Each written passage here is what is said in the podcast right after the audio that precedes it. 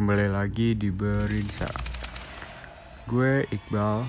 Sekarang gue yang bakal nemenin malam Jumat kalian bersama cerita-cerita horor yang sudah disiapin sama tim Berinsa. Di segmen horor kali ini, gue bakal bacain cerita tentang mereka yang tak terlihat di rumah sakit. Dari salah satu akun Twitter, Wahyu Aryan. Buat kalian yang gak berani dengerin, jangan dengerin sendirian ya.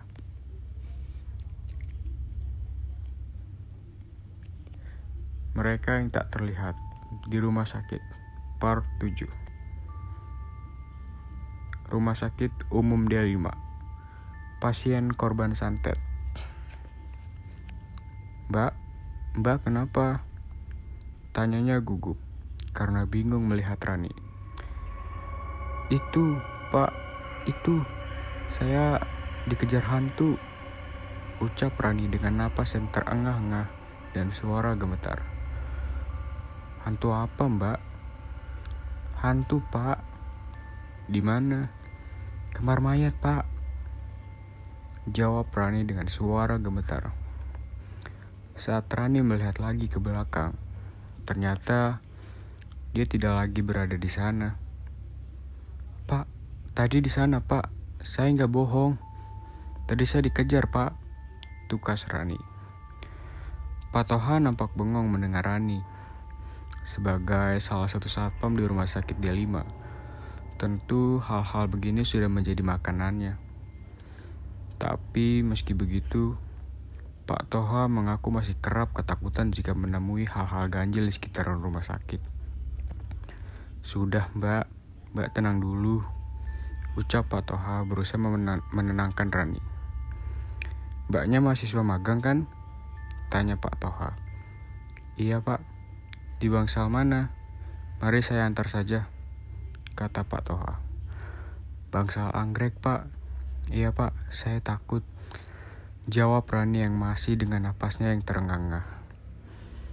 Saat berada di persimpangan terakhir, sebelum masuk ke bangsal anggrek, seorang perawat perempuan berjalan melintasi dari arah berlawanan. Rani, sapanya. Rani pun menoleh ke arahnya, dan ternyata dia adalah Mbah Rahayu. Mbak Rahayu balas Rani dengan wajah tercengang.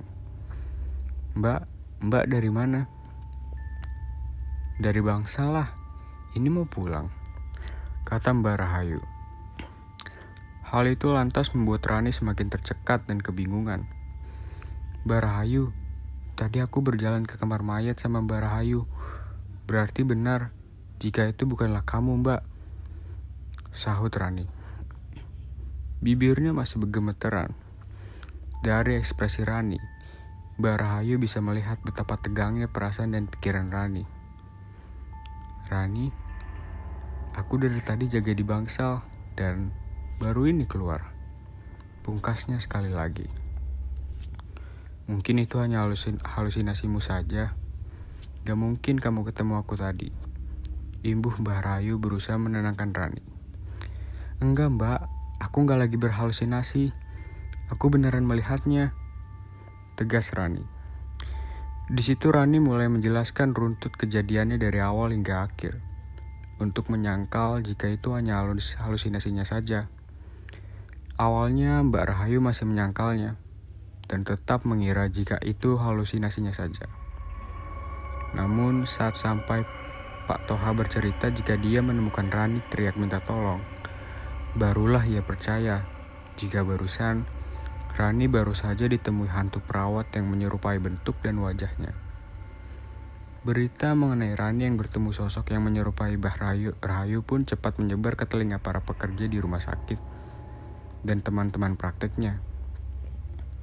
Seluruh kejadian janggal yang menerima Rani tidak masuk di akal orang-orang. Rani pun mengaku lelah jika kerap didatangi hal-hal gaib selama proses praktiknya di rumah sakit. Terlebih lagi saat shift malam karena sangat mengganggu proses praktik Rani. Hampir setiap malam, saat hendak berangkat ke rumah sakit, ia selalu berdoa agar dijauhkan dari semua hal yang tidak ia inginkan kedatangannya. Namun, ternyata keadaan belum ingin memihak kepadanya. Suatu kejadian kembali menghampirinya lagi, meski kerap ditemui oleh hal-hal gaib di sekitar rumah sakit. Rani masih memaksa mentalnya untuk tetap kuat dan berani. Karena baginya, menyelesaikan pendidikannya jauh lebih penting jika harus dibandingkan dengan rasa takutnya yang sementara. Malam itu, Rani kembali lagi ke rumah sakit dengan rasa was-was yang bisa datang kapan saja. Selamat malam Bu Fatma, sapa Rani. Ternyata Bu Fatma sudah berada di Nur Station lebih dahulu darinya. Tumben agak gasik berangkatnya. Tanya Bu Fatma. Hehe, iya bu, soalnya di rumah gak ada kerjaan. Jawab Rani sambil nyengir. Seperti biasanya, malam itu Rani keliling kamar-kamar keperawatan. Sekedar melihat sekaligus mengecek kondisi-kondisi pasien. Semuanya normal, tidak ada keanehan yang Rani lihat. Tapi sampailah Rani pada pasien yang baru masuk siang tadi. Saat baru membuka pintu kamar, semerbak bau kemenyan tiba-tiba menusuk hidung Rani. Bau apa ini? Kemenyan. Pikir Rani seraya melangkah masuk. Pasien tersebut ditunggu oleh satu orang keluarganya yang mengaku sebagai kakeknya. Penampilannya menyita perhatian Rani Pasalnya, ia memakai batik hitam panjang dengan ikat kepala yang berwarna hitam juga di kepalanya. Maaf kek, ini apa ya? Tanya Rani sambil menunjuk anglok kecil yang digunakan untuk membakar kemenyannya. Rani sebenarnya sudah mengetahui jika itu kemenyan. Namun, ia ingin menggali informasi saja. Apa tujuan dia membakar itu di dalam kamar perawatan seperti ini? Untuk keamanan cucu saya, Mbak. Jawabnya. Keamanan? Maksudnya bagaimana ya? Ya, biar tidak ada apa-apa dengan cucu saya. Hah? Rani masih bingung dengan perkataannya. Cucunya dirawat di rumah sakit. Pasti tujuannya agar diobati dan kembali sehat lagi. Lalu Keamanan apa yang dimaksudkannya? Maaf kek, apa asapnya malah tidak mengganggu cucu kakek? Tanya Rani. Seraya menatap cucunya yang sedang terbaring tidur di atas meja rajangnya. Oh, tidak mbak. Keluarga saya sudah terbiasa begini. Jawabnya sambil tersenyum. Seolah-olah meyakinkan jika yang dilakukannya aman-aman saja. Rani mencoba bertanya hal lain, terutama mengenai sakit yang diderita cucunya. Cucunya sakit apa kek? Dengan mudahnya kakek tersebut mengatakan, jika cucunya sakit karena diguna-guna oleh laki-laki yang ia tolak cintanya. Rani terkejut.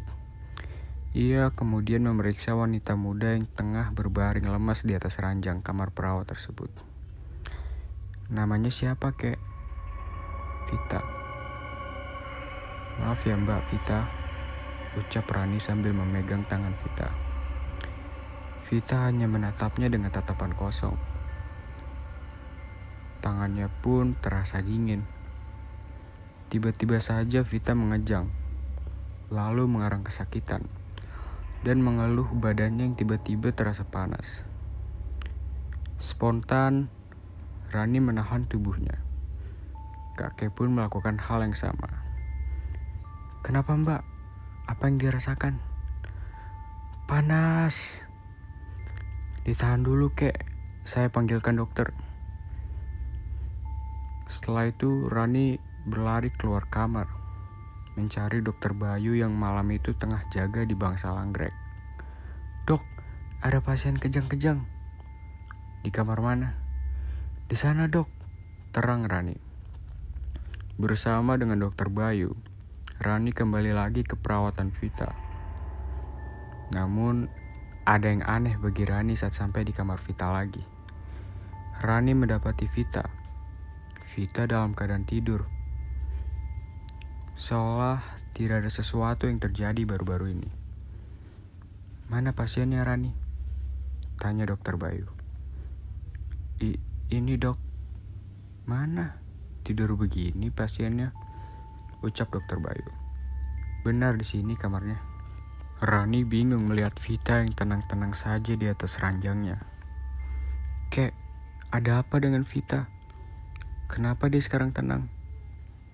Tanya Rani. Sudah, Mbak. Sudah tidak terjadi apa-apa.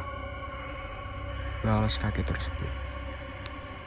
Dokter Bayu mencoba memeriksanya dengan stetoskop yang menggantung di lehernya. Saat diperiksakan dokter, Dokter Bayu tidak menemukan hal-hal yang mencurigakan di tubuh Vita. Gak kenapa-napa kok. Justru Vita sudah ada tanda-tanda akan sembuh. Cetus Dokter Bayu. Dokter Bayu lantas keluar kamar perawatan.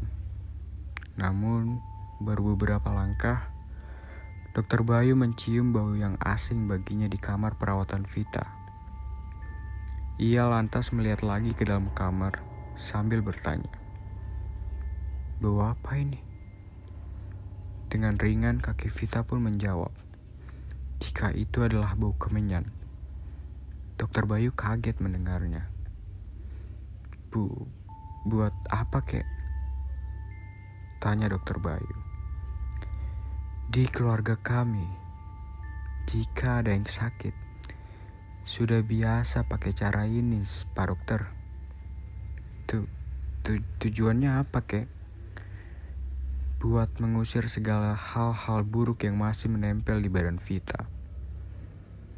Dokter Bayu bingung mendengarkannya. Pasalnya, ia baru menemukan keluarga pasien yang seperti ini.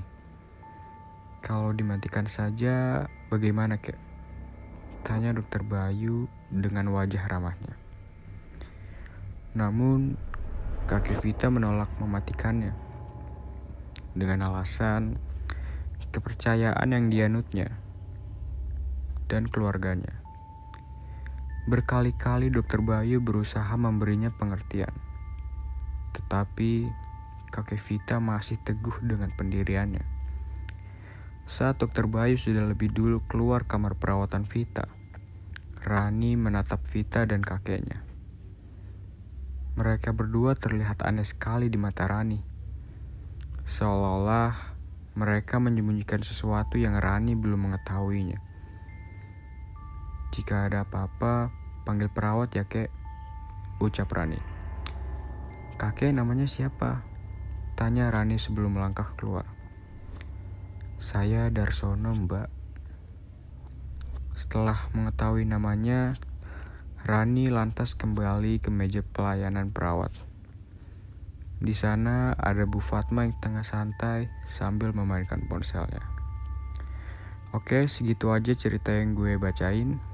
Nanti kita lanjut lagi. Jangan lupa buat dengerin berita terus ya. Kalau kalian ada cerita horor, romance, atau random lainnya, Kalian bisa banget DM di Instagram kita Gmail OSIS SMK BW2. Sampai bertemu di segmen horor selanjutnya. See you.